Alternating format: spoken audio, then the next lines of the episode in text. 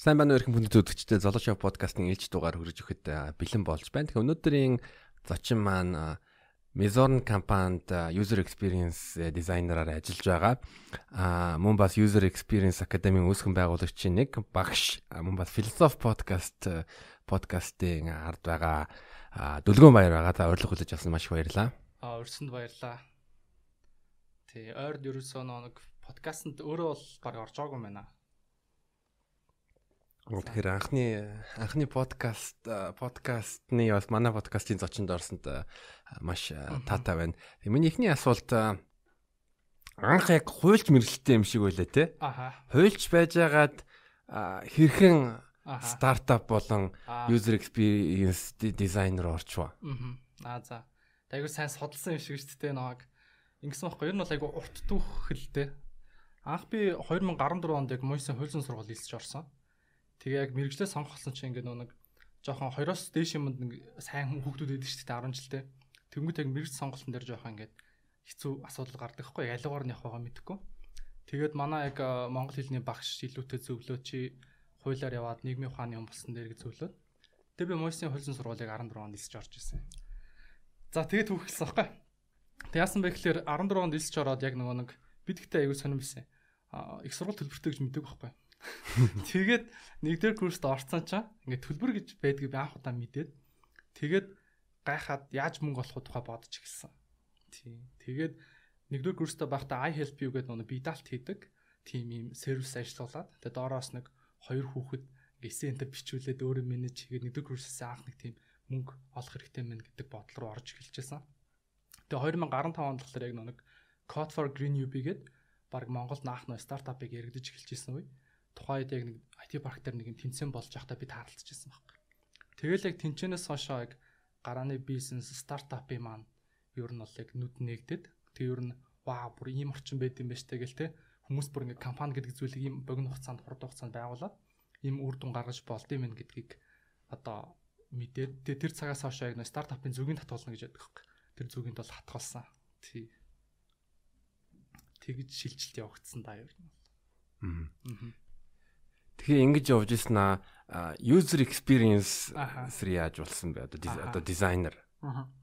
Тэгээ нэг нэгдүгээр заалт, тэдгээр заалт ингээд хуйл уншиж ирсэн аа. Яа, ингэсэн. За 2015 онд яг ингээд нэг стартапын тэмцээнд орох болсон байхгүй. Тэгсэн чинь ингээд багааг тухайн тэмцээн ингээд рентмар хувааж ингэж тухайн ивентээр ирсэн хүмүүс ингэж холж исэн байхгүй. Тэгээ холж явах явцад нэг багт би орсон. Тэгээ манай банк шин чи юу чадах уу, дизайн хийж чадах уу гэхлээр би чадна гэд хэлсэн аахгүй. Тэгээд тэр санаа мандлаар нэг тийм аппийн санаа байлуу да. Тэгээд тухайн үед анх аппийн дизайныг өөрөө шууд YouTube-ээс судлаад тэгээд турчин аим богино 48 цаг хийсэн байхгүй. Тэгээд хоёр шөнө өргөн онж байгаа судлаад анхных аппийн дизайныг бол хийжсэн. Тэгээд тэр цагаас хойшоо яг IT парк дээр одоо тухайн үед офислдаг байсан давс өрөө нистгэ гэж залуу байгаа. Нистгэ бит хоёр бас нэг залуусын бүтээгч хамт орж байхад танилцчихсэн үндсний лизинг нэвтрэл гэдэг шүү дээ. Тэр тэр нас нэг за би мэдгүй юм байна. А тийм үү. Аа тэрэнд орж анх танилцсан. Тэгээ нисгэгийн офис дээр суугаал анх ер нь бол стартапын яг тэр бүр офиселд суугаад өдөр шөнөгөө хоноод юм хийдэг темп рүү шилжсэн. Тэгээ тухайд нэг юу байсан юм 16 онд ээж аппликейшн гарч ирсэн аахгүй. Тухайн тэр ээж аппликейшны одоо нундрам гэдэг үүсгэн байгуулагч намайг чи юу яагаад үзээч манай вебсайтын дизайныг хийгээд манай офис ингээ ширлээ суул суулда гэж хэлсэн аахгүй. Тэгээд окей окей би тэгвэл окей хийчихье гэж хэлээд тэгээ бас яг анхны тийм аутсорсинг байдлаар бартардад одоо анхныхаа вебсайтын дизайныг бас тухайн байдаг гэж хэлсэн. Тэгээ тэрнээс хойшоо ингээд миний яг өөрийн гаргасан одоо бизнесийн санаа гэдэг ч юм уу те шийдэл болгон яг ингээд апп байсан бохгүй апп юм уу вебсайт юм дижитал шийдлээсэн. Тэгээд надаас илүү яг миний бодож байгаа санааг дизайныг гаргаад ингээд загварчлах хүн байгаагүй учраас би яг өөрөө өссөн өсөг UX UI дизайн хийгээд эхэлсэн байна. Тэгээд тэгж явсаар гад 2017 оноос би а Shark Tank Mongolia-гийн season 1 дээр оролцож ирсэн байхгүй. Өө за. Тийм, Shark Tank-т оролцож ирсэн. Тэг өөрийнхөө онлайн хөлзөн зөвлөгөөний аппийн санаагаар оролцоод хөрөнгө оруулалт аваагүй л тийм. Тэг миний бүр дугаарыг хассан. Яг нэг эхний нэгдүгээр дугаар дээр нь хоёр дахь дугаарын дугаарууд ийм дугаарууд гарна гэж гардаг шүү дээ. Яг тэгж гараад за гархан дээ гэж баах хүмүүс руцтаж хилээлтэй. Тэг хүмүүс нэг угаасаа мэдчихсэн болохоор хүлээлттэйсэн чинь гараагүй. Тэг яага гараагүй юм бол яасан чинь нэг юу нэг шахкийн өсөлтөөр гаргаагүй гэж хэлсэн. Тэгээд тухайн бодлого дээр нэг гэрээндээ нөө нэг Shark Tank Mongolia-тэй холбогдсон бүх дүрс бичлэг яг Монгол телевизийн одоо эрхийн дагуу байна гэдэг үгнээс л хасагдсан байд. Тийм. Тэгэл 2017 оноос яг өөрийнхөө Renew гэдэг компаниг байгуулсан, үүсгэн байгуулсан. Тэгээ эхэндээ бол би нэг UX UI дизайны зах зээл тийм том гэж юусэн ойлгохгүйсэн хэрэг. Тэгээ энийг хийгээд мөнгө олж болно гэж юусэн ойлгодгоо. Тэгээ тухайн үед яг branding agency гэж байгуулж ирсэн. Брендингийн компани байгуулад. Тэгээ одоогоор хүмүүс яг мэддэг юм бол Highbox гэдээ байгаа. Тэгээ Highbox юм онлайн худалдааны сайт. Carvan гэдэг нэг юм а блокчейн дээр суурилсан нэг юм төсөөл гэдэг ч юм уу нэлээд олон брендинг ажлуудыг хийж хартан гарч ирсэн. Тэгээ тухайн үед чинь тэгэл нэг стартап амиа авч үлдэхийн тулд янз бүрийн хийж эхэлж байгаа юм л та. Тэгээ тэр үед сошиал медиа маркетинг руу ч гэсэн ороод дижитал маркетинг эйженси ч гэж бас нэг хэсэг явж исэн. Тий. Тэгээ тэгж явж байгаад 17 онд юу байсан? А UNICEF-ээс нэг грант авсан бохоо маа нэг төсөл 30 сая долларын грант авсан. Тэгээд тэр төслөө ер нь бол 2 3 жил хийсэн. Тэгээ одоо хүртэл нээлттэй хийгээгүй л байгаа л да. Тэгээд одоо яг нээлттэй хийх гэж байгаа бүх юм нь бол дууссан маа. Тийм нэг төсөл хийгээд тэгээд тэр цагаас хойш илүүтэй UX UI дизайнлах ингээ мэрэгч эхэлсэн 2017 оноос хойш бүрхэн ороод. Тэгээд өөрөө би нөгөө нэг хуулийн хүм учраас хуулийн бэкграундтай байсан учраас яг нөгөө нэг тухайн асуудлыг яг ингээд эрх үүргийнх нь үүднээс харж чадаад гэх юм уу процесслог одоо нүдээр харж чаддаг байсан учраас ямар нэг тийм бизнес санаатай хүн дээр очиод тухайн бизнесийнх нь одоо одоо л нэг CX буюу customer experience-ийг аягүй сайн ойлгож чаддаг гэсэн юм байна. Тухайн бизнесийн оролцогч талууд те ямар ямар эрх үүргийн харилцаатаагаар тухайн процессд оролцож байна гэдгийг нь ойлгочдөг учраас ингээд апийн дизайн хийхэд аягүй тийм амар болж өгдөг гэсэн. Аа тэгээд ч аа ер нь бол тэгэл UX UI agency байдлаар манай компани бол бас нэлийн 2 2 жил ажилласан. Тэгээд тухайн үед болохоор одоо нэг хаан банкны QPass гэдэг аппликейшн байдаг те. Тэрний дизайныг бүрэн хариуцж хийж ирсэн байгаа. Өөр чинь бас 2020 онд нөгөө нэг Dimparty гэдэг арц намын нийтэд зориулсан бол нэг дотоод нь удирдлагын системийн аппликейшнийг хариуцж хийж ирсэн. Тэгээд UbiCab гэдэг гэсэн аппликейшн байгаа те. UbiCab-ийн 3.0 хувилбартай нь бас яг ажиллаж UX UI дизайн дээр илүү нэг жоохон дөртэй болж эхэлж исэн. Одоо UB Caption хэддгээр хэддгээр хувилбар дээр байгаа. Тий одоо л яг 4.0 хувилбар. 4.0 хувилбар. Тий. Тийм байгаа. Тэгээд манай стартап ер нь бол тарсан. Тэг яагаад тарсан бэ гэхээр нэг үүсгэн байгуулагчдын маань яг ирээдүйн зорилго өөр болоод тэгээд ерөнхийдөө бол тарсан байгаа. Айгүй тийм ивтэй найртаагаар зүгээр төр чинь хамтдаа яг тодорхой мөчүүдийг маш их туршлага хоримтлуулсан. Маш их зүйлийг мэдэж авсан өөртөө туршлага болоод оюуны маш их хөрөнгө оруулалт хийсэн учраас нэг тэгж одоо муухай салдагчтай хүмүүс стартап тараал модалцсан бас салаагаа. Тэгээ одоо манай фаундертайгаа одоо ч гэсэн холбоотой хаяа уулзаал тэгэл байж идэг тийм байна. Зөв зөндөө олон юм туулсан байна. Тэр Shark Tank дараа нь UNICEF-ийн грант би өөрөө бол UbiCap-ыг бол банк за банк гэж тогтмол ашигладаг. Аха надад бас амар тийм ашиглахад амар хялбар санагддаг. Аа. Яа, UBCap бол одоо судалгааж бичсэн баггүй. Ер нь бол Монголд хэрэглэхэд хамгийн хялбар ер нь бол нэг 2-3 аппликейшнийг нэрлэж гэхэд бол UBCap бол зоолттой баг нэгээр орж илээ. За, бус аппликейшн ямар байна? За, хаан банкны яг яг өөрийн үндсэн аппликейшн хүмүүс сурцсан одоо хэрэглэн даатсан болохоор орж илээ. За, тэгээд e-баримтаас нэрлэгдэжсэн. Тэгээд UbiCap-ийн яг дизайны түүх, UbiCap-ийн түүх бас их сонирхолтой л да. Тэгээ нөө фаундерууд нь одоо би чинь Mizorn компани шүү дээ. Mizorn Technologies гэх компани болохоор анх UbiCap-ийг нөө нэг санааг нь гаргаад өөрсдийнх нь бүтээгдэхүүн баггүй. Тэгээд нөө нэг UbiCap төсөл маань өөрөө томроод нэгэнт байр суурь эзэлсэн учраас тусдаа компани болоо гарцсан болохоос ш. Яг үндсэн Mizorn-ы бүтээгдэхүүн анх санааг нь гаргаж гаргасны бүтээгдэхүүн ба. Одоо Mizorn-оос тусдаа байгаа юм уу? Тэгээ ер нь бол нэг хоёр тусдаа компани. Тэгээ Mizorn компани болохоор UbiCap-ийн хөгжүүлэлттэй сайжруулалт дараагийн хувилбаруудынх нь одоо хариуцж явдаг. Гүйцэтгэгч. Тий. Тийм байлаа. Зөв. Тэгээ UbiCap-ыг сая ёо би дундуур нь орлоо. Тий, ингэсэн одоо анх 2009 онд ихний хувилбар гарч ирсэн гэж байгаа. Бүр 2009 онд. Тэгээ тухайд болохоор яг Mizorn компани үүсгэн байгуулагч Наранбаяр буюу Нарках, тэгээ Золлах Тэгээ Эрдэнэ мах манлах гэсэн дөрвөн үсгэн байгуулагчтай байхгүй. Тэгээд манай энэ дөрвөн маань бол бас үлгэр домог шиг ариун их түүхтэй туршлагатай хүмүүс. Тэгээд энэ дөрвөн маань нийлээд яг UbiCap-ыг гартаж хийжсэн байна. Тэгээд тэр цагаас хойшоо ч нэг нойлон гарсан гэж бодоход одоо 4-0 дахь хөлбөртөөр ихэр чинь 11 2 жил хөгжүүлэгдчихэж өнөөдрийн те байдал руу хүрч ирсэн байх жишээтэй. Би тэгэхээр 3-0 хөлбөртөөс нь оролцоод Одоо болохоор яг 4.0 хөлбөрийн зарим нэг сайжруулалт болон зарим дэд бүтээгдэхүүнүүд дээр нь дизайныг нарийцж ажилладаг. Тэгээ анх анх яг UbiCab гэдэг нэрээр явж исэн мó эсвэл өөр нэр байж исэн. а апи нэрөө Тий. UbiCab-аар авчихсан. Тэгээ би нэмтгэхийн лого нь л анх UbiCab гэсэн лого байсан. Зөв. Аха. Тэгээд одоо нөгөө Америкчин одоо Uber байгаа эсвэл Lyft байгаа. Аа тэгээ тэгээ Монголд баг ер нь аа. Тэр app нь байгааг болохоор яг app-ын хэрэгжилт нь байсан гэж нэг өнгөө байдаг штэ. Мгм. Одоо машин болгон өөрөө cab Яа. гэдэг үүднээс зүгээр ингээл зогсол гараа өргөөл тэгэл аа, завтай машин э, жолооч нь ингээд шууд шууд өөрөө ингээд cab болчдаг. Тим тогтолцоо. Мм. Ээ угаасаа а ямар нэг тийм шин төсөөл гэх юм апыг хоёр ангилаад байгаа байхгүй. Нэг нь юу гэхээр ингээд нэгэнт амьдрал дээр бизнес модель нь ингээд валидейт хийгдсэн буюу баталгаажсан тийм процессыг дижиталчлаад гаргаж байгаа бүтээгдэхүүн бол нэг төрөлтэй. А хоёр дахь нь болохоор бодит амьдрал дээр ч тухайн процесс нь явдаггүй процессыг шинээр загварчилж бизнес моделийг нэгж хамтд нь валидейт хийдэг гэж юм. Хоёр төрөл ер нь бол ангилж болно л та дижитал бүтээгдэхүүнийг. Тэгэхээр одоо нөгөө нэг тээврийн салбар гэсэн үг шүү дээ тий. Одоо UbiCab маань бол тээвэр. Тэгэхээр яг нөгөө нэг юм тухайн улс дахь дид бүтцүүд стартапуудын салхи ороод шинжлэгдэж ихсний дараагийн шатанд болохоор нөгөө нэг бидний айгуу тийм сонирхолтойгоор ярьдаг тий. Одоо химэл оюухан дээр суурилсан олон дид апууд ч юм уу тий. Им шин шин шийдлүүд нь гардаг. Эхлээд яг тэр дид бүтцтэй холбоотой стартапууд гарч ингэж зах зээл эхлээ шинжлэгдчихэж дараагийн степүүд нь ордог гэж байгаа. Тий. За тийм байгаа. Тэгээ би ерөөсөө нэг 2015 оноос ингээ өөрийнхөө юм хийгээ явцсан. Тэгээ ерөөсөө ингээд а баг би тухайд юу гэж боддог? Ингээ хүний доор ажиллахгүй энэ төр гэж айгу тийм амбицтай явдаг гэсэн хэвхэв. Тэгээд 19 оны сүүлээр 19 оны 9 сар өнгөрөөд 19 оны 9 сар л юм байна. Одоо нэг томоочин байгаа шүү дээ, Тий. Захирлан Батчин гэдэг. Тэгээ би томоочонд яг ажилд орж исэн байхгүй.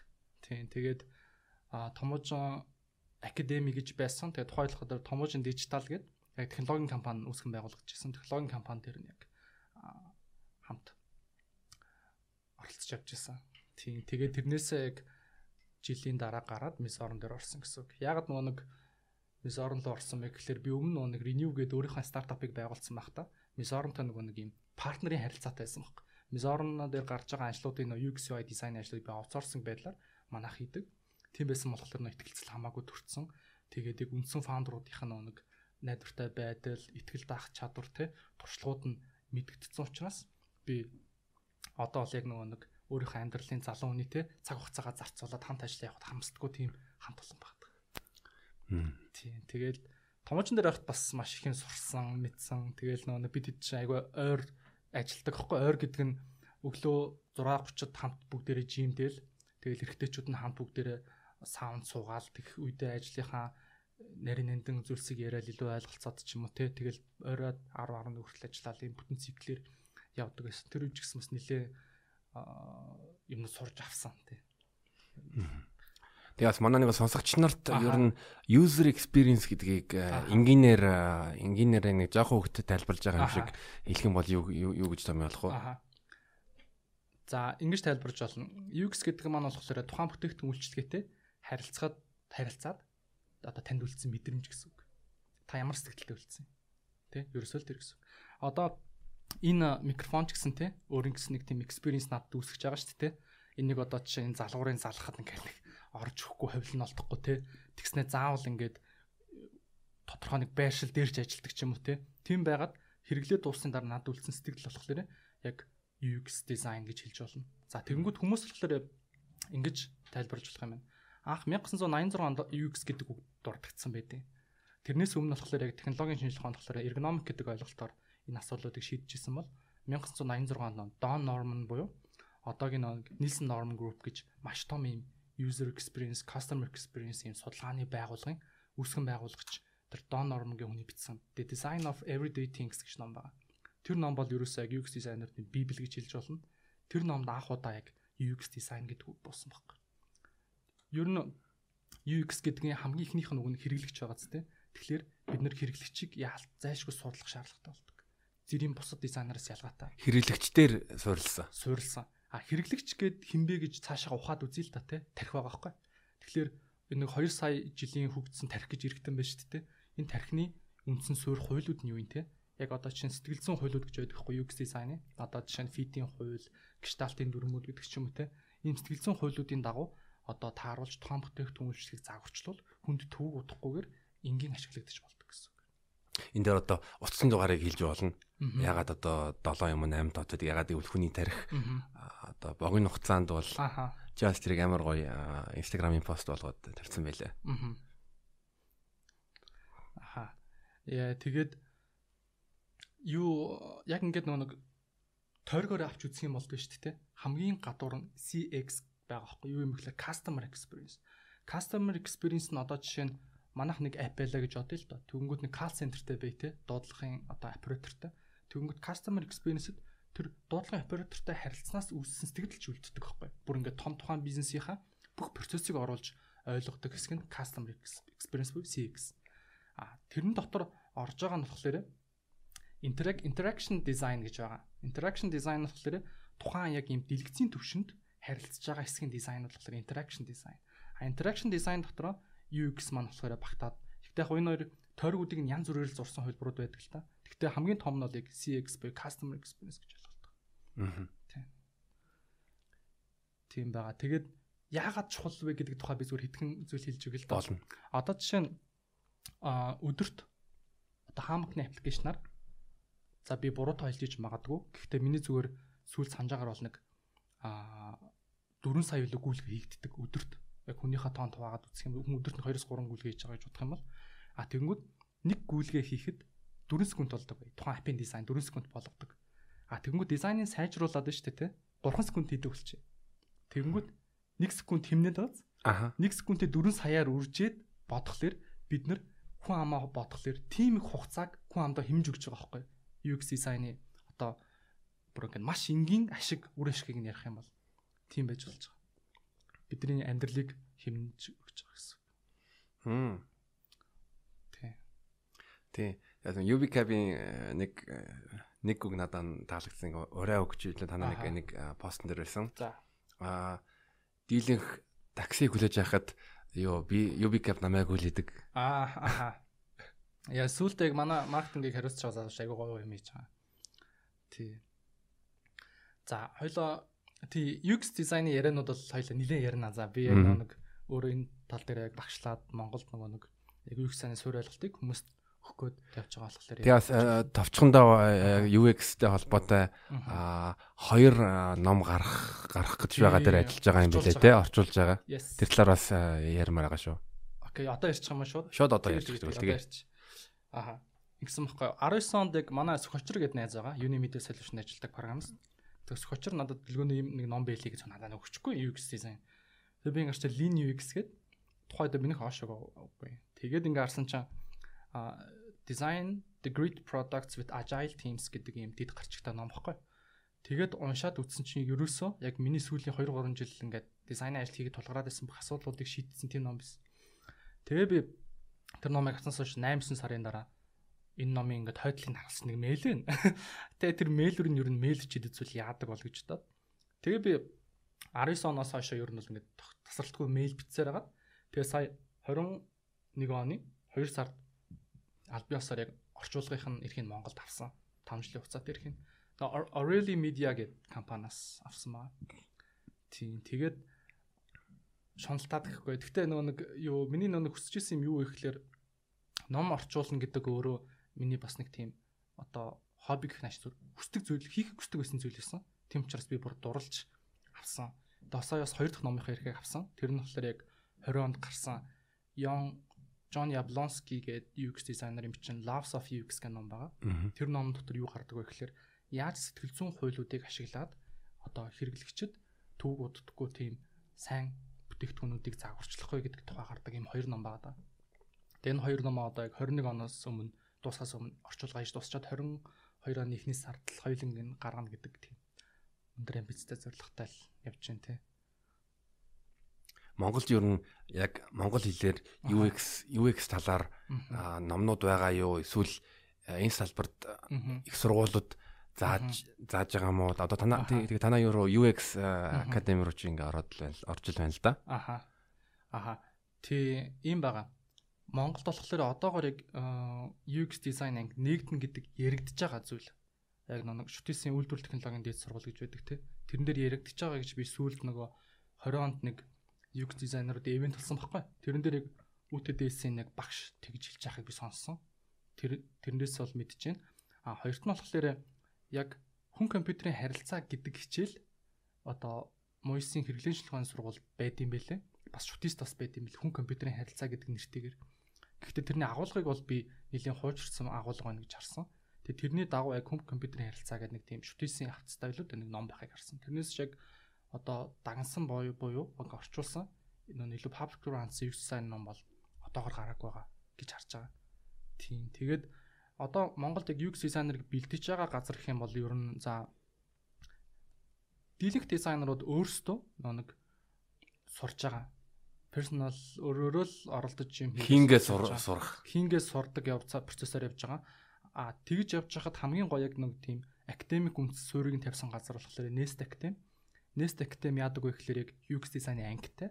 Тэгээ тэндээ зөвхөн 10 жилийн хүүхдүүдийг аваад яг ийм коллеж байдлаар бэлддэг хичээлийнх нь хажуугаар тийм анги байгаад байгаа. Тэгээд саяхан өнгөрсөн яг энэ оны 3 сард а манай Мисорн компани дээр манай хамт ажилладаг Төмөр Хуйгээс салаа. Бид хоёр хамтраад яг UX Academy гэдэг тэр байгууллагыг одоо саяхан байгуулсан байна. Тий. Яасын стартапын туршлага мөн бас Томожин академид бас сурсан туршлагуудыг ингээд хоримтлаад аха юм орж ирсэн байгаа гэж бодож байна тий. Тий. Гэхдээ нэг том авахлахлаарэ өмнө нөгөө яг UX дизайнераа яг заадаг байсан. Айгу баг хүүхдүүд нэг 10 хүний дүргэлттэйгээр яг ийм одоо хичээл заадаг гэсэн баггүй курсууд бэлдээд. Тэгээд би сая нөгөө нэг Mizorn компани багт нэгдсэний дараа бит хоёр хоёр талаасаа яг нөгөө өөр өөрсдийнхөө нав хауудыг нийлүүлээд тэгээ яг UX Academy-га байгуулсан байна. Тэгээд миний болохоор яг нөгөө нэг UX дизайны салбар дах амбиц юу гэдэг вэ гэхээр илүү нөгөө судалгаа шинжилгээ тал руугаа хандаад яг академик төвшөнд одоо жишээ нь те Монгол хүний юу гэдэнтэй анхаарал төвлөрүүлэх хугацаа яг одоо Америк хүнийхээс ялгаатай юу гэдэг ч юм уу те эсвэл одоо тэр сэтгэл зүйн хуйлууд бүгд нөө сэтгэл зүйчнэр нээсэн хуйлууд байдаг байхгүй жишээ нь а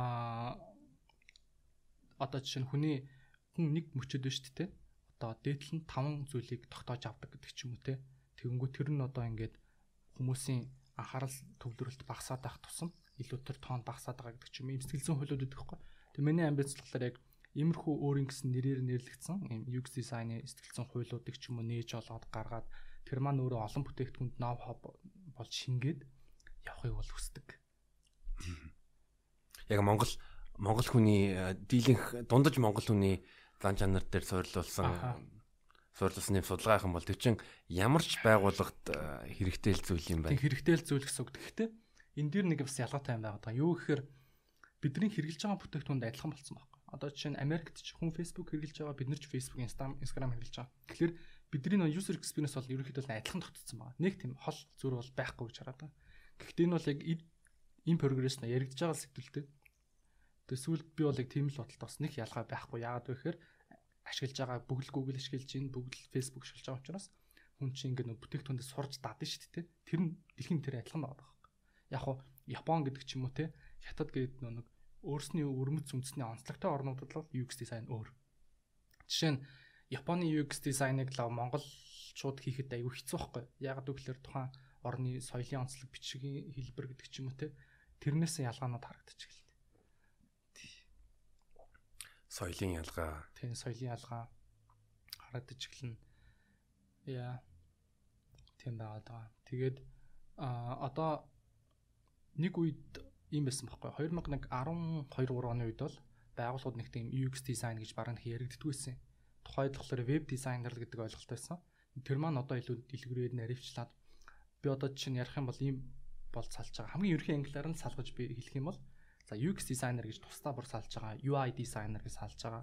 За энэ дотроо UX writer буюу одоо тэр app дээр байх зөвхөн текстүүдийг нь контентийг хариуцдаг хүн гэж салж байгаа. UX researcher буюу зөвхөн судалгаагаа хийдэг те хүний зан үйл характер тухайн салбарынхаа филдийн судалгааг хийдэг хүмүүс гэж салж эхэлж байгаа. За тэгээд micro interaction designer гэж салж байгаа тэрний юм ихлээр одоо та нэг товчон дээр хуруугаа аваачаад тэр товчон ингээд дарагдсан гэдгийг мэддэг ёстой гэдэг ч юм те өөдөөс ч ямар нэг фидбек өгөх ёстой. Тэрийг нь хариуцж ажилдаг дизайнер. За бүр цаашлаад Монголд бол одоо энэ бол бүр дөнгөж бар эхлээгүй нүү да UI sound engineer гэж бас байгаа. Тэр нь одоо гадаад апууд бүгд дуутай байдаг шүү дээ. Бид нар жишээ нэг нэг notification ирэхэд энэ юуны notification гэдгийг ингээд хоногцсон байдаг те. Тэгвэл Монгол дуутай аппликейшн баг байхгүй те. UV capture Тийм, тиймэрхүү дуунууд оруулж ирж байгаа байхгүй хоногшож тэр бүр амар хоногчсон байгаа шүү яг ингээл ингээл за так тоолоод байна гэл. Тийм тэрийг яг гадаад хариуц шилдэг юм болохоор UI sound engineer. А гэхдээ Монголд яг ингээд явъя гэхэлэр нөгөө нэг үндсэн UX UI дизайнерийнх нь хүрэлцээ хүний нөөц бага учраас яг одоо бол бид нар илүү generalist байгаа гэсэн. Ерөнхийлж юм хийдэг. Ер нь бол аль альныгаа хийх хичээдэг. А бүр specialist болъё гэхэлэр яг тийм боломж бүрдсэн арай бүрдэг байна манай зах зээл дээр магадгүй UX UI дизайнеруудын тоо ихсээд ирсний дараа л ингэж салбарлал салж эхлэх баг. Тийм. А би болон манай яг тэр нэг хамт ажиллаж байгаа төмөр үе гээд залуу тоомохтой ярилцлаар илүү UX тал руу яг UI дизайн хийдэг. Гэхдээ илүү specialty гэж ярих юм бол UX дизайн тал руу гэж хэлж байна. Одоо хідэн илсэлт явуулчих ба явуулчих. Саяхан шинэ нийслэлтэй эхлүүлсэн те. Тэгсэн. Одоо сая 3 сараас хойш бид хоёрыг 3 дахь хэлсэлтэй одоо авцсан байгаа. Нийт одоо яг энэ хэлсэлт маань дуусчих юм бол яг 60 төгсөгчтэй болчихж байгаа. Тэгээ манайг анхны хоёрын сургуульч 14 оны сургуульчтай. Анхны сургалтанд суусан нэг гэхдээ тэр залуу өөрөө технологийн бэкграундтайсан л да. Мобайл хөгжүүлэх залуу. А UX дизайнер ажилд орсон байгаа. Тий. Тэгээд ер нь бол нөгөө нэг суурьтай хүмүүс илүү хурдан сураад явчих боломжтой байдаг. Тэгээ Монголд нөгөө нэг гайгүй хүн олох, гайгүй UX дизайнер олох хэцүү учраас яг одоо жишээ нь нэгэнт ингээ өмнө харилцаж үзээд туршлагатайг нь мэдсэн дизайнерудаас л асуудаг байхгүй. Одоо чинь бит хоёроос ч юм уу те гайгүй UX дизайнер байна уу гэдэг ч юм уу. Тэгэхээр бит хоёр илүүтэй нөгөө нэг айгу бит хоёрын сургалтын суугаад гарсан сайн хүмүүсийг илүүтэй хүмүүстэй холбож өгч юм уу. Тиймэрхүү яг ажлууд бодож байгаа. Тийм. Тийм байгаа. Тэгээд юм байгаа. Би энэ дэр жоохон нууц юм ярьчих. Аа нууц юм гэдэг байхгүй. Одоо одоогийн сургалтын нэр маань болохоор UX design foundation аахгүй foundation буюу суурь ойлголт олох сургалт. За тэгэнгүүт дараа нь UI design-ы суурь ойлголт олох сургалт орно. За ингээд энэ хоёр маань байж хахад энэ хоёр дээрээ суурлаад пирамидын дээшээ өөрчлөлттэй одоо жишээ нь тэр Lean UX гэдэг аргачлал методологоор ажиллах зөвхөн нэг сургалт. Гэхдээ тэр нь 14 хоног шараа багасгацсан ч юм уу те. А тэгэнгүүт сэтгэлзэн хуулиудыг яаж ашиглах вэ гэдэг нэг сургалт те. За тэгээд тэрнээсээ цаашлаад бүр зөвхөн хэрэглэгчийн туршилт яаж хийх вэ? User testing, usability testing яаж хийх вэ гэдэг сургалт юм.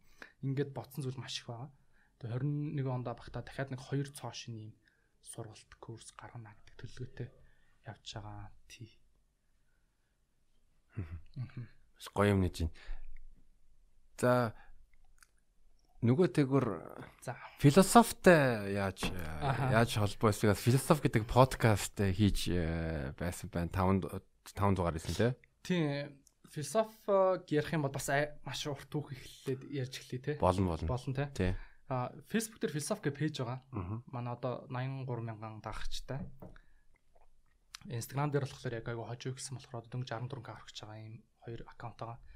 За би яг анх эзэ философитой танилцсан байхлаар 7 дугаар ангидаа танилцж байсан. Тэгээ манай гэрт нэг тийм олон ном байдаггүй байлаа жаад. Тэгээ би ээжтэйгээ нөгөө нэг хорооллын бэлэг хөтөлбөрлөө нэг санамсаргүй яваад орчихгүй. Манайх тухайд чинь дайрэгтэйдэг лөө та. Тэгээд яваад орсон чинь ингээд анх удаа ном илгүүр гарсан байхгүй 7 дугаар ангидаа. Тэгээ шокнд ороод бүр ингээд нүд нэгдээд нэг дор ийм олон ном тэг шин. Тэг ингээд бүр гайхаад. Тэг ингээд ном илгүүрлөө бүр ингээд гайхаад алхаад ордог байхгүй. Тэгээ тавир дээрээс хамгийн ихэнд ингээд нэг ном сугалсан рендмар штэ. Тэгсэн чинь нэг аюур зангаан 226 буюу сууд 60-аас гिचгдэг ном байж таараа.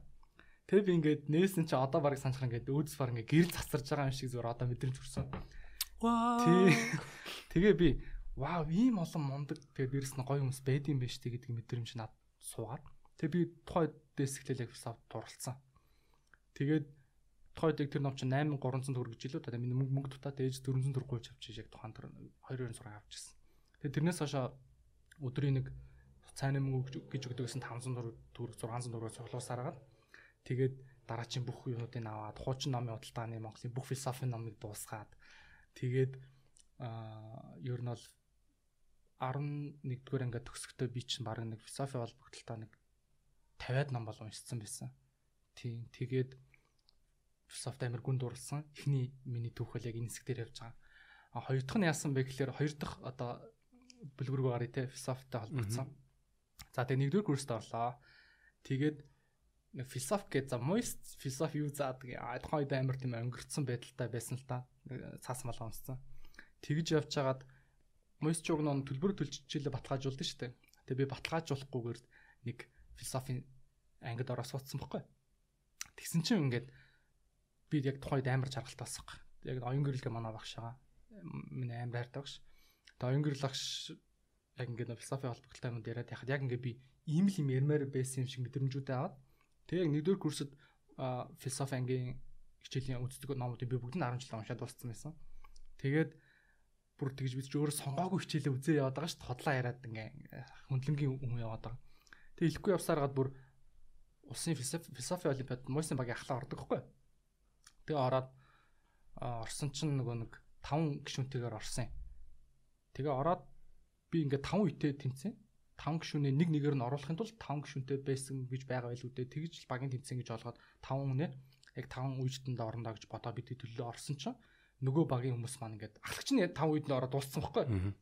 Тэр бүр та философийн академи академи шээ шинжлэх ухааны хүрээлэнгийн философийн хүрээлэнгээс зохион байгуулж байгаа тэмцээн тэгчээд ийм энгийн те логикийн ч ойлгомжтой алдаа гаргаад байна гэж би бодоод тэгээд зогсоо барь эзлэхгүй гэж би ойлгоцсон байхгүй.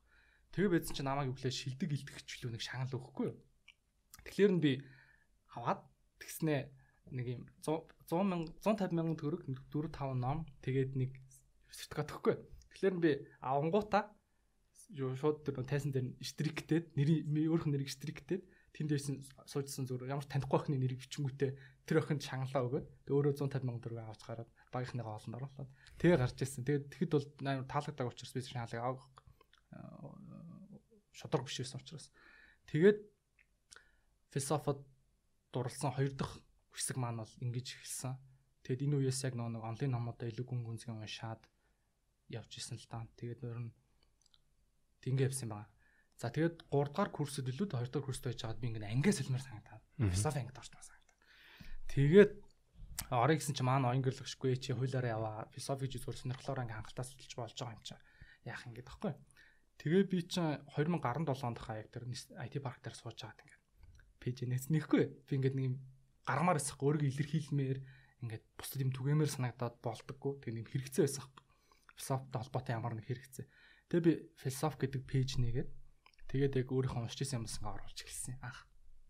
Тэгэл оруулж эхэлж байгаа л нэг 6 сарын дараа илүү 100000 лайктай болоод тэгэл 20 30 40 гээл явсан. Тэгээд тэрийг постуудыг оруулахын тулд би өөрөө номдоо илүү гүн гүнзгий унших хэрэгтэй болоод уншдаг болсон. Тэгээ илүү англи дээр хэл дээр байгаа философи номуудыг уншиж эхлээд явсан юм байгаа. За энэ ингээд хоёр дахь гурав дахь бүлэг нь эхэлж байгаа философи холбоотой. За ингэж явсаар байгаад а юу эсэ. За нэг зингийн нэг юм ижлийн ном гарцсан байсахгүй код бүк. Тэгээ тэрийг харж агаад маах чин тухайн үед баг би пэйж дээр нэг 500-аад код оруулсанс горчуулаад тэгээ тэднийг нийлүүлж байгаа нэг ном болгоо гаргасан байгаа. Тэгээ загдаад туссан л да 500 хэлээд. Тэгээд тэрний дараа өнгөрсөн жил ихгүй. Өнгөрсөн жилийн 100 яг үдий 6 сард би ингээд юу рэпер инэрлээ штэ. Тий. Манай пэйж рүү Аа, тий би ярьж байсан. Ном номж амаар байна гэх тий. Рэпер инэрл ингэхгүй. Би инэрл байна гэж мэдээгүй нэг Facebook-ийн зургийг би мэдэхгүй нэг өөр зурагт болохоор тэг ингээд ном авъя энэ танах пост олж байгаа номоо зарахгүй маа гэдэг талаар нь би үгүй наа чи манайх зардггүй маа гээл ингээд хаялсахгүй. Эсвэл бүр уурлаад ингээд бичээлээсэхгүй. Тэгснэ танах одоо ингээ эрэлтэнд байхад яагаад зардггүй ямар сони юм ингээ бичиж болдгоо. Тэгээ тухайн USB ингээ дан ингээ нэг юм болсон байхгүй. Яагаад гэвэл философи ном зааж болохгүй гэж бодоод. Тэгээ би тэр сардаа шууд одоо энэ дээр байгаа эрүүл ухааны эрхэмлэн гээд энэ тайпог балер өдргийг бичсэн дэглээгээд охин байгаа. Тэр охиноо бичүүлээд өөрийнхөө мерчийг гаргангуудаа софтверийн мерч гаргаж үзье гэж удаа гаргаад тэгээд мос удартай очиж гэрээ байгуулсан. Нөгөө нэг номын дэлгүүр нээж байгаа байдлаар Тэгээ Nepco Mons судар а Nepco биш Nepco Mons судар тэгээд Монголын нэг криминологчдын холбоо psychology publishing одоо манайх нэг 11-д publishing-ийн ном гар гаргадаг газруудтай хамтраад тэр газруудаас гарч байгаа зөвхөн философийн номыг нийлүүлээд номын дэлгүүр ажиллуулж байгаа. Манай номын дэлгүүр болохоор яг Сүхбаатарын талбайн урд Grand Office-ийн B1 давхарт ажиллаж байгаа. Тэгээ одоогор бол нэг 47 төрлийн философи ном зарж байгаа монгол хэл дээрх. Нь манай мерчүүд ажиллаад явж байгаа. Тийм тэгээд одоо баг жилийнхаа ойг болох гэж байна да. Тийм тэгээд дөрөвдөх бүлэг баг ингээл явж байна да. Тийм тэгээд би яагаад юу нэг философи дээр ингээд юм хийгээд байгаа юм бэ? Ингээд яваад байгаа юм бэ гэдгийг цаад шалтгаан нь хэлээ л да тий. Ингэсэн байхгүй би багаас аав өссөн. Тэгээ ингээд эргэн тойронд үлгэр жишээ болох хүн байгаагүй эрэгтэй хүн байгаагүй. Тэгээд би яг на философчдыг харж үлгэж авч өссөн байхгүй. Тэгж өсөөхдөө би ингээд амьдрал ингээд янз бүрийн савлгаа, янз бүрийн асуудал гарахад философи надад болохоор би ерөөсө торхгүй даваад гарчдаг. Одоо жишээ нь ингээд би одоо жишээ нь те а заавал юу гэдэг ингээд хэцүү юм тохиолдоход архиуч ч юм уу те тайвшралгүй би жишээ нь зүгээр ингээд өөрийнхөө оюуханаар тайвширч болно шүү дээ те. Заавал ингээд дотор бачимдаад ах би татж тайвшралгүй өөрөө тайвширч болно гэдэг ч юм ингээд амьдралын амьдралч ингээ хаашаа савлаа гэсэн тэнцвэртэй байх надад ингээ боломжийг философи өгсөн. Тийм учраас би яг ингээд одоо миний философи дээр баримталж байгаа слоган байгаа.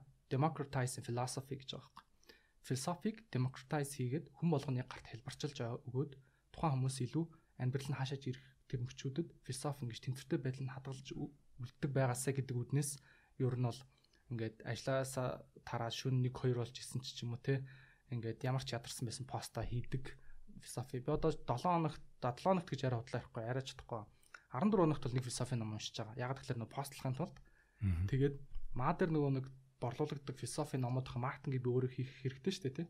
Тэг унш уншиж дуусчаад яг ингээд нэг хайлайт хийх квотануудаа би ингээд хайлайт хийчихдэг байхгүй. Тэгээд тэдэргээ постлдог. Тэгж маркетингаа хийхин тулд номоо унших гардаг тий. Тэгээд л явж байгаа даа. Тэр энэ талаа энэ талаар бас ярилцаж байсан юм аа. Аа. Сайн санаад байгаа. А тийм үү. Тий.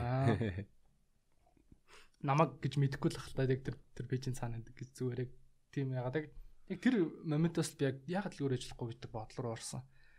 Тэгээд философи ном ч нөө хамгийн баг зарагддаг ном амар нөө специфик ниш маркет шүү дээ.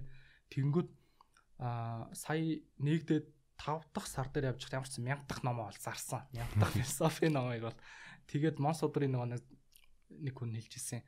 Танах ингээ бүр хүмүүс мартаа те баг ингээ тоохгүй номуудыг ирэлт үсгээд байна гэдэг чийсэн аахгүй. Тэгэхээр миний зорилго бол нөгөө нэг а ер нь тийм democratizing philosophy философиг л одоо ч Apple-ийн одоо мантра гэж ярьдаг байхгүй нэг мантра юу гэхээр democratizing computer байхгүй. Компьютерийг хүн болгоны гарт аваачих байсан. Яг тэрнтэй адилхан л нь одоо тэгтээ амир дөр байгаа шүү. Тий. Би өөрөө ч гэсэн философийн номнууд унших дуртай. Аа. Гэхдээ стоик философи. Аа. Та ялангуяа нэг үний Синекийн загтлууд тэгээ Epictet, Marcus Aurelius. Яа. Marcus Aurelius Meditations амар гоё ном шүү дээ. Классик. Монгол хэл дээр орчуулдаг байлаа. Тэ нэг юу одоо нэг тийм хэрэглээний философи илүү таалагддаг. Стоик философи шиг. Аа яа, прагматик философи. Прагматик философи тэрийг хэрэгжилж болохоор шууд амьдралдаа хэрэгжилж болдог. Аа тэгээд тэр нь бол амар амар яг хүч өгдөг. Хүнд бас асуудлуудыг амьдралын амьдрал амьдрал тулгарлаж байгаа яг өдөр болгон юм юмд хандлага эсвэл тийм бат байх. Одоо жишээл бас нэг дана юм дээр философи дээр нэг Виктор Франклин ном байгаа. Meaning of Meaning of Life. Тэр номыг тэр номнуудыг өөр нь уншаал хүн ирч хүч ирч хүч авах гэж юу гэдэг нэг юу сэтгэхүйн хүчтэй болж болох боломжтой. Хүчтэй болно. Тэгээд одоо өөрөнгө гэсэн байр суурьтай critical thinking гэдэг хөгжиж бид нар одоо чинь өөрчлөгдөн штэ. Суурь ерөөс төрөх. Тэрнээс бид нар ер нь суурь төрөл гэж боддог. Тэгээд а түрүүний хэлсэнд амар санал нэг байна. Прагматик яг тийм хэрэглээнд авч ашиглаж болох философийн хэсгүүд маш хэрэгтэй. Яг Мишель де Монтен штэ. Монтен бас яг энийг ярьдаг байхгүй. Монтен ерөөс онлайн философи сонирхдаггүй. Яг илүүтэй прагматик философиудаг сонирхдаг. Тэгээ тэрийг ашигладаг байсан тэр кейсүүдээрээ одоо тэр эсэн дээр нь илүү их гардаг штэ. Яг ингээд би одоо чинь amor fati гэж ойлголт байгаа байхгүй. Amor fati гэдэг нь зүгээр тухайн зүйлийг ингээд хайчгаа байдаг л зүйл зүгээр ингээд дүгнэхгүйгээр орхих тухайн асуудал. Би хой тавилантайгаа хайрл эвлэр гэдэг. Амар окей. Гэлтэй. Юмыг одоо байгаагаар нь байлгах. Байгаагаар нь байлгах тий. Байгаагаар байгаач тий гэж хэлдэг. Тий. Яг тийм утгатай гэдэг ч юм. Тэгээ би бол өөрийг нэг экзистенциалист гэж үзэл байгаа шүү дээ. Экзистенциалист гэж би өөрөө экзистенциалист гэж боддог. боддог ч байх уу. За манай сонсогч нарт би бас өөрөө бас яг мэдлэгээ яа сэргээ экзистенциализм экзистенциализмыг тайлбарлаад өгөөч. Миний зүгээр санаж байгаа нөгөө юу Альберт Ками гэж ойлгож болно шүү дээ. Тийм. Юурс амар энгийнээр л тайлбарлаж болдог хгүй экзистенциализм. Экзистенциализм экзистенциализм юу гэж үздэг вэ гэхээр шүү дээ. А оршихугаас өмнө мөн чанар байхгүй гэж үздэг хгүй. Оршихугаас хоошоо мөн чанар байх буюу одоо жишээ нь бидний амьдрал цаанаас нь тохиолдсон утга учир гэж байхгүй. Одоо жишээ нь бурхан намайг те ийм учраас төрүүлсэн ч юм уу те эсвэл би аав ээж намайг ийм учраас төрүүлсэн гэдэг надад тийм миний оршихугаас өмнө миний утга мөн чанар байгаагүй гэсэн. Тэгэхээр надад ямар боломж эрхчлөө үүсэж байна гэхээр би өөрийнхөө амьдралын утга учирыг тодорхойлох эрхчлөө үүсэж байгаа. Тэгэхээр одоо өөрийнхөө амьдралын утга учир нь өөрөөс нь гадны зүйлээс байгаа үед хүн яадаг вэ гэхээр тэр зүйл нь нуруу унах юм тий. Тэр зүйл нь ингээд байхгүй болоход нөгөө нэг оршихуй хямралд орж эхэлдэг. Яг өөрийнхөө утга учирыг өөрөө бий болгож чадсан хүн оршихуй хямралд ер нь бол барагтаа орохгүй дээ. Би бол тийм ч бас ер нь нэлийн хүчтэй хүний шинжтэй оршихуй хямралд орохгүй байхын тулд Одоо жишээ нь тэр Виктор Франклин ном бол ерөөсөө тэр ихгүй. Тим хэцүү хүнд хэцүүтэй Аушвицийн хорих лагерт хоригдож байгаа хэрнээ яаж өөртөө тийм утга учир бий болгоод амьдрах нэг юм хөшүүрэг бий болгоод яваад байгаа байхгүй. Би хайртай хүнээ төсөөлөөл те ингээл гараал ингэж ин гэдэг төсөөлөөл тэгээ бүр нэг удаа орох боломж гараад орохгүй байгаа байхгүй. Яагаад орохгүй нөхлөөр тэр Аушвицийн хорих лагерт байгаа өвчтнүүдэд бодоод би имчлэх ёстой штэ гэдэг утга учир нь бий болсон учраас өөрөө яваагүй гэдэг ч юм уу те. Тэгэхээр утга учир гэдэг зүйл амьд явахаас баг илүү үнцэнтэй зүйл байгаад байгаа байхгүй. Ер нь бол яг ингээд ярих юм бол тэгээд үүссэн шалтгаан бол ерөөсөө ийм дэлхийн 1 2 дугаар дайм болоод тэгээд ер нь бол дэлхийн утга учирын амар хямралт гүн гүнзгий орсон байхгүй. Яасан бэ гэхээр Европын олон зуун жил хөгжсөн те одоо уран зураг, өндөр байшин барилгууд нэг л өдөр бууж ирээд илплээд байхгүй болцсон. Тэгээд юу гэж утсан бэ гэхээр тийм бол уран зураг зурж яах тий. Байшгаа нэг гоёор бариад яах юм тий. Чингээл дайм болоод бүгд байхгүй болчих юм шүү гэж ихэлсэн баггүй. Тэгээ энэ болохоор яг одоо тэр Хайдегрээс ахуулаад Сартер, Жан-Пол Сартер, Альберт Камю гэдэг энэ философч нарын гаргаж ирсэн экзистенциализм үзлэхлээр окей амьдрал утгагүй байж болно тий. Амьдрал угаасаа утга учиргүй далай байхгүй. Чүүр утга учир бий болгох гэдэг боломжийг хүмүүс төгсөн баг. Тэгээ энэ цаашаа улбаалаад ер нь бол би яг Европын ч юм уу тий Америкийн нэг тийм өөрийнхөө утга учирыг бий болгосон олон хүмүүс амжилт гаргасан магадгүй суурь нь экзистенциализм гэж би бас хараад байт. Манай үд хэрвээ боломжтой манай сонсогч нарт бас философитой яг анхан анхан шатд одоо танилцах номнуудыг зөвлөвөл. Аха. Yes, яг хамгийн цэгцтэйгээр товч байдлаар яг философийн мэдлэгийг авъя гэх юм бол би түрүүн нөгөө авчирсан ном байгаа шүү дээ. А философи өөрөө сурах бичих гэх ном байгаа. Тэр номыг уншаад үзэхэд бол ер нь айгүй энгийн үг бэлтгэр бичигдсэн. Яг одоо жишээ нь идеализм гэж юу гэлээд байгаа. Материализм гэж юу гэлээд байгаа. Бүр яг нэг суурьас нь ахуулаад тайлбарлсан ном аа. Тэр номыг уншаад үзээсэй гэж хүсэж байна. А дараа нь болохоор яг философчдын намтруудыг бас уншаад үзүүлнэ илүү дурлах гэдэг ч юм уу те. Тэр хүмүүсийг илүү хүндлэх сэтгэл нь төрөөд эхлэхлээр магадгүй философи хандлага хандлага хандлага нь өөрөлж магадгүй а тийм байгаад байгаа. За тэгээ цаашдаа сэтгэл зүйн номуудыг бас амар уншаасаа гэж хүсэж байна. Одоо Фройдын psychoanalysis тий. Тэгэл Альфред Адлерийн бодгол сэтгэл судлал тэгээ одоо тэр Франклин тий логотерапи гэдэг ч юм уу. Яг сэтгэл судлалын яг энэ суурь ойлголтууд авчих юм бол бас философиг яг ингэж яагаад шин бид нэр одоо утга учиргүй мэдрэмж төрөөд байгаа юм тий гэдэг тухай сэтгэл зүйн үндэс болон философи хоёрыг нь хослуулад үзэх юм бол илүү дээр гэж бас хэлмээр. Тэгээ би бас э, ад үзэгдэх э, урлагийг бас э, а тэгээ ад үзэгдэх зориг тэр номыг би нэг хагас жилийн өмнө уншаад надаа таалагдсан. Тэгээд тэр юу н тэр user experience надад маш их таалагдсан. Ад зориг нь үү? Тий. Одоо хилэлцүүлэг болон одоо кейс кейстэй суурилсан. Одоо багш шоу байгаа гэд. Яад үзэх зориг амар сайн борлуулагдсан шүү дээ. Монголд бол тий айгүй хүмүүс нүдийг нээж өгсөн баха. Тэгээд ад үзэх зоригийг уншаад үзсэн хүмүүст би хэлмээр байгаа юм тэр нэг Альфред Адлерын амьдралын шинжлэх ухаан гэдэг номыг уншаад үзээрэй гэж хэлсэн мөрөн. Ягаад гэвэл ад үзүүлэх зөрөг дээр гарч байгаа бүх агуулгын онлын ном тэр ихгүй. Онл нь Альфред Адлерын онлын тухай бичсэн ном чинь ад үз зөрөг шүү дээ. Тэгэхээр онлын шууд уншаад үзээсэй гэж хэлж байна. Тий. Өөр чин юу би тэр нэг өний Монтаны тухай тухайс нэг хэрхэн амьдрах вэ гэх тэр тэр номыг би унш би нэг уншаагүй би нэг хэдэн жилийн өмнө эхлүүлээд тэгээд Kindle дээр эхлүүлэл тэгээд унш унш дуусаагүй англи дээр нь тий. Тэр бас айгу мондөг орчуулагдсан байлаа монгол хэл дээр. Тэг ном бэлэг гээд эмхтэй орчуулсан байгаа. Тийм тэр эмхтэй айгу мондөг орчуулсан бэл. Тий. За тэгээд миний одоо дараагийн философи дээр яг хийх гэж байгаа зүйлс юу вэ гэх юм бол одоо энэ ондоо багтаад эхний нэг апын демо гаргах зорилготой байгаа.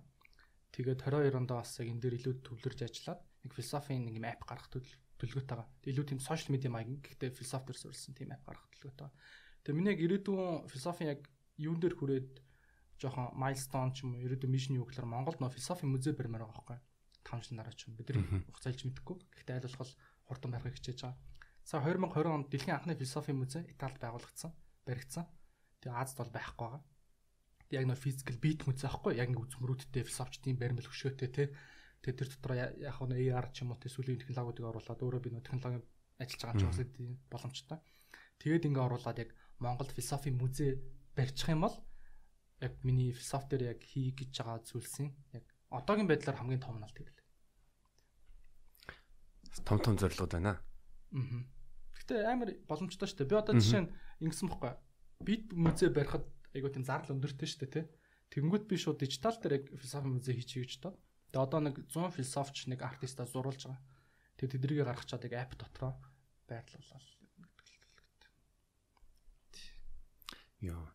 Бас манай нэг э, таньдаг подкастт орж исэн точин маань э, юуны виртуал харах орон төсөлд оролцож исэн. Nice. Тэгээ тэр чинь бас гоё надад амар супер санагдсан. Вебсайт руу ороод тэгэл яг тухайн үеийн хар хором ямар байсан бэ? хүн болго ингээд хүн болгоныг хүртээмжтэй. Виртуалаар. Тэгээ виртуалаар бас их бас тийм тийм ер нь бол коронавирус хойш угсаа тэгэл амар disruptive юм гарчлаа шүү дээ бүр суурь өөрчлөлтүүд музейч гэсэн угаасаа тийм болцсон байлээ хандах юм бэлээ урлагийн музейнүүд яг тийм виртуал руу бүр бүрэн шилжсэн байл яа тийм байгаа За өөр одоо аль сэдвэр орох вэ? Ерөөсө миний амьдрал нэг тийм гурван зүйл би амьдралаа зориулж байгаа яг одоогийн байдлаар. Нэгт нь болохоор яг Мисорн компани дээр яж байгаа технологийн бүтээгдэхүүн зориулж байгаа. Тэгээд UX Academy дээр сургалтууд ааж байгаа. Тэгээд философис яг ер нь энэ гурав дотор миний амьдралын цаг хугацаа өнгөрч байгаа. Яг амьдралаа зориулж байгаа гэж хэлж байгаа гэхээр амьдралч уус цаг хугацаа шүү дээ. Тэгээд цаг хугацаа зорчууд зориулж байна гэдэг чинь амьдралаа зориулж гэсэн шүү дээ. Тийм л энд өөр бол энэс гадуур а тийм тэгээд хуулиараа бол би тэгээд 14 оноос хойш явсаар хагаад үлгэр домгил юм болсон доо. Тий. Тэг хуулиар бол ер нь ирээдүйд гэж нэг сүртэй ажиллахгүй байх. Тэг хуулиар хуулиар сурангуудаа бас яг өөрөө одоо амьдралтаа хийх одоо пашнаас илүү пашнаас илүү баг юу талхаа болгохоос сайхан мэрэгчлээ болсон шүү дээ. Ирээдүй ирээдүрөө хамт алхах боломжтой. Тийм одоо хүмүүс нөгөө нэг нэг юм хийхдээ ингээ 100% дуртай маа хийнэ гэж боддог байхгүй. UX design миний хувьд бол яг нэг дуртай гэдэг мэдрэмж нь 60 70% байдаг байхгүй. 30% би бол нэг хичээгээд ч юм хэцүүсэн ч хамаагүй хийчдэг. Тэгэхээр эн чинь амар гоё байгаас тээ. Би бол одоо жишээ нь юу гэсэн ихтэй амар дуртай байхгүй. Яг тэгэхээр би би бүр шүү дээ анх анхныхаа нөгөө нэг юм захиалгын мөнгөөр гэсэн сайн аутсорсинг ажил хийж юу гэсэн гэж. Ваа би бүр ингээд өөрөө янз бүрийн апийн санаа бодоод ингээд дизайныг хийгээд өөртөө л хардаг байсан чинь би бүр тэргийг мөнгө олчлах юм. Гэж одоо би бүр амар гайхсан байхгүй. Чим 16 мөргоны. Тийм. Тэгэхээр яг хийж байгаа юм амар дуртай. Би бол одоо нөгөө юу тийм ингээд 5 өдөр болоод амар ядраад амармаар байна мэн гэсэн бодол байдгүй. Яг нөгөө нэг амар өдрийн цикл ингээд эрчимтэй өрнөд талаар жоохон ядардаг л та. Тэгээ сайн нэг нөө daily routine гэж яддаг шүү дээ. Өдөрт мэм химлэлээ алдахч алдахаарч ядарчих гад байдаг. Яг өглөөдөө нэг нэг цаг жимдээд яг нэг гой төмөр өргөчөөд ажил руугаа ингээд дайраад орой нэг 11 12 хүртэл явчихд бол гайгүй ядардгүй. Яг жимтгэ болоод эхэлнэ шүү дээ. Тэгэл хүзүүхшөөл тэгэл ер нь хамаг бүтээмж навсуна шүү дээ. Тэг ин жимд явдаг юм миний зуршлыг бүтээсэн хүн чи яг тэр нэг томоожингийн батчих واخхой.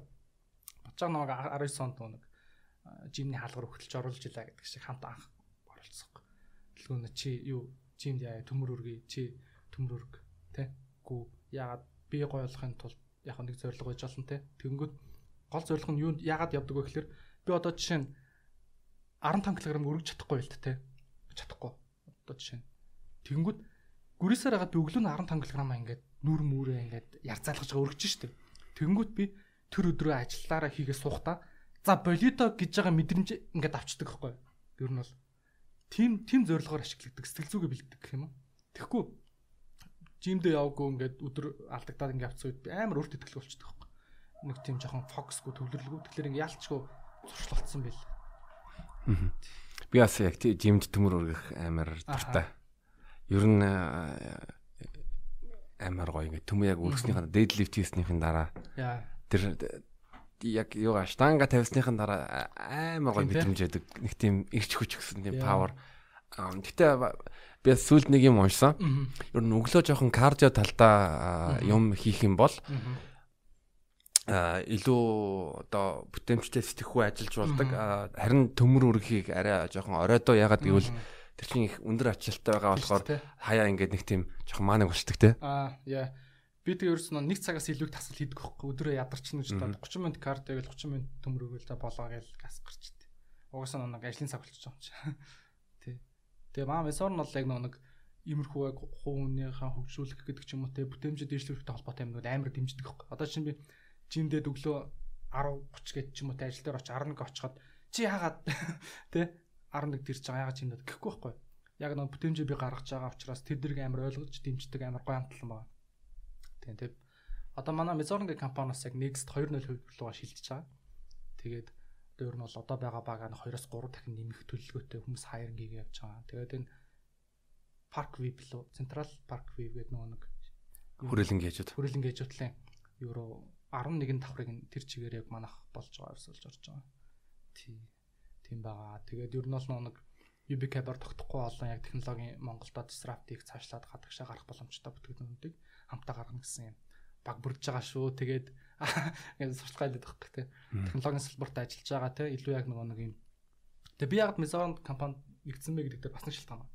Би сүүлийн 4 5 жил ингээд 30 хэдэн аппийн дизайн хийжээ. Тэгээ ингээд эргээ харсан чинь 8 9 л яг ингээд хэрэглэн гарч бүтээгдэхүүн болж гарч. Тэгээ харсан чинь баг 5 6 нь Mezon-ы бүтээгдэхүүн байхгүй. Тэгэнгүүт би үлдсэн 20 дээр нь зүгээр waste of time байсан байхгүй. Би хүнд хүрэхгүй юм хийж байгаа юм бол би хийж яах Тэнгүүд би нэгэнт ингээд дизайныг хийхэд тэр дороо ч юм уу ингээд шууд хүнд хурж болдог бүтээгдэхүүн хийж болдог газар л би ажил тийм багтал хамт авахыг хүснэ үстэй. Тэгээ би юм зорнорсон хэрэг. Ер нь бол Яс яг нэг яг чамтай өнөөдөр ярилцлага ихтэй бодохдоо бас бодсон ер нь одоо комедиан хийх үедээ үедээч бас яаж одоо user centered байх хэрэгтэй. Тэр чин user centered байх хэрэгтэй. Заавалчгүй. Бүр маш өндөр түвшинд шүү дээ. Аа одоо comedian, UX designer, сэтгэл зүйч гур амар төстэй ажиллахгүй. Юу гэхэлэр эхлээд assess хийн. Одоо тухайн нөхцөл байдал болон аудиенс assessment шүү дээ. Ер нь иймэр хүмүүс байна ингээ мэдрэн те. Яг UX designer-аас адилхан те. Яг ямар хүн хэрэг эзэн хэрэглэх гэдэг. Одоо чи 0 доо хэрэглэх гэдэг нь үү те. Гадаа харанхууд хэрэглэдэг ап болох гэдэг нь гэдгийг assess хийн. Бас хэрэглэгчээ ингээ амар сайн мэдж байгаа байхгүй. Сэтгэл зүйч хүн ч гэсэн ярилцсан шүү дээ. Та эзэд өрсөн дүүтэй ахтаа ингээ assess хийн. Яг адилхан. А дараа нь болохоор тухайн хүннийг ингэж инээлгэж болох те комедианаар бол UX дизайнер болохоор тухайн хүний зан үйлийг загварчилж болох юм. Боломжуудыг ингэж толгоонтороо гаргана те. За тэгж яагаад нэгin туршин те. За ингээд үзьегээд. За тэн дээр инехгүй гэж магадгүй те. Тэгэх юм бол ингээд дараачихын туршин те. Инээж авах юм бол тэрийг сонгож аваад тэгээ тухайн хүний ингээд зан характер юуг нь бол ингээд UX дизайнер өөрчлөөд ингээд бүтээгдэхүүнтэй тасгаад ингээд явах боломжтой байж байгаа шүү. Тэгэхээр энэ гурван амар төстэй ажиллагаа нийтлүүд гарцсан мөлий. Англиар.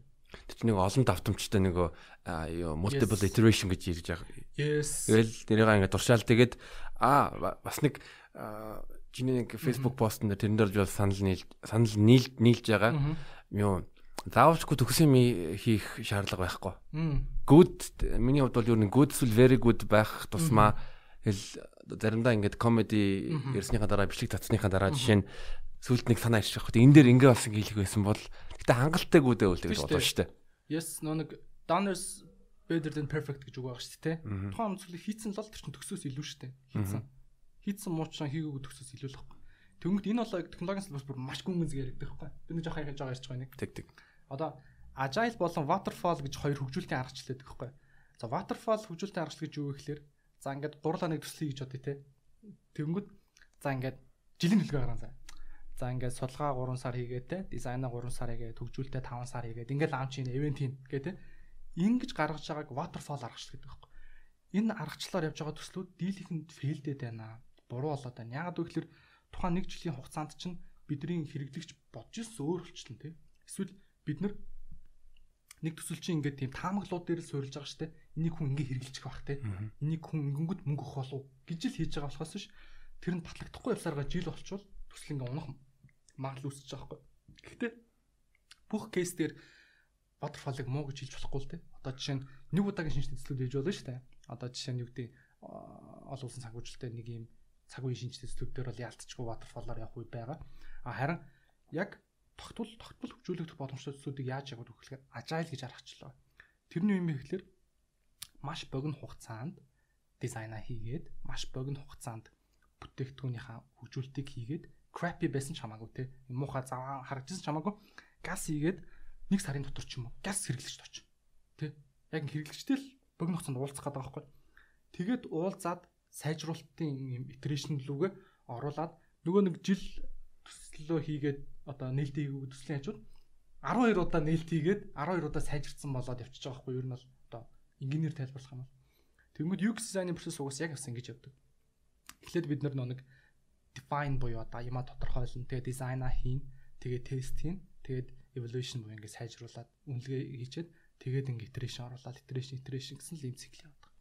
Тэгээ метр орчуулж байгаа Lean UX гэх ном яг энэ аргачлахгүй. Одоо agile хөгжүүлэлтийн аргачлалаар ажиллаж байгаа технологийн багуудтай яаж дизайныг нь бас хамт ингэж богино богино сайжруулалтаар авч явах юм бэ гэдэг тухай гарах юм. Тийм, тийм ном баг. Зүг зүг. За тэгээд одоо бол удахгүй бас дахиад UX Academy дээр шинэ эсэлт явуулах байхаа те 2 7 хоногийн хугацаатай юм чи. 8 сарын дундуур дахиад дараагийн эсэлт явна яа. Аа. Тэгэхээр манай сонсогч нар бас UX UX сонирхох юм бол би бас видеоны description дээр татах холбоосууд тавина. Тэгээд дэлгөөнөөдөө маш их баярлалаа. Богино хугацаанд маш олон гурван сэдвээр сайхан ярьслаа те стартап, философи болон user experience гэдэг ажил үйлсэнд сайн сайхныг үсэ. Баярлаа. За баярлаа.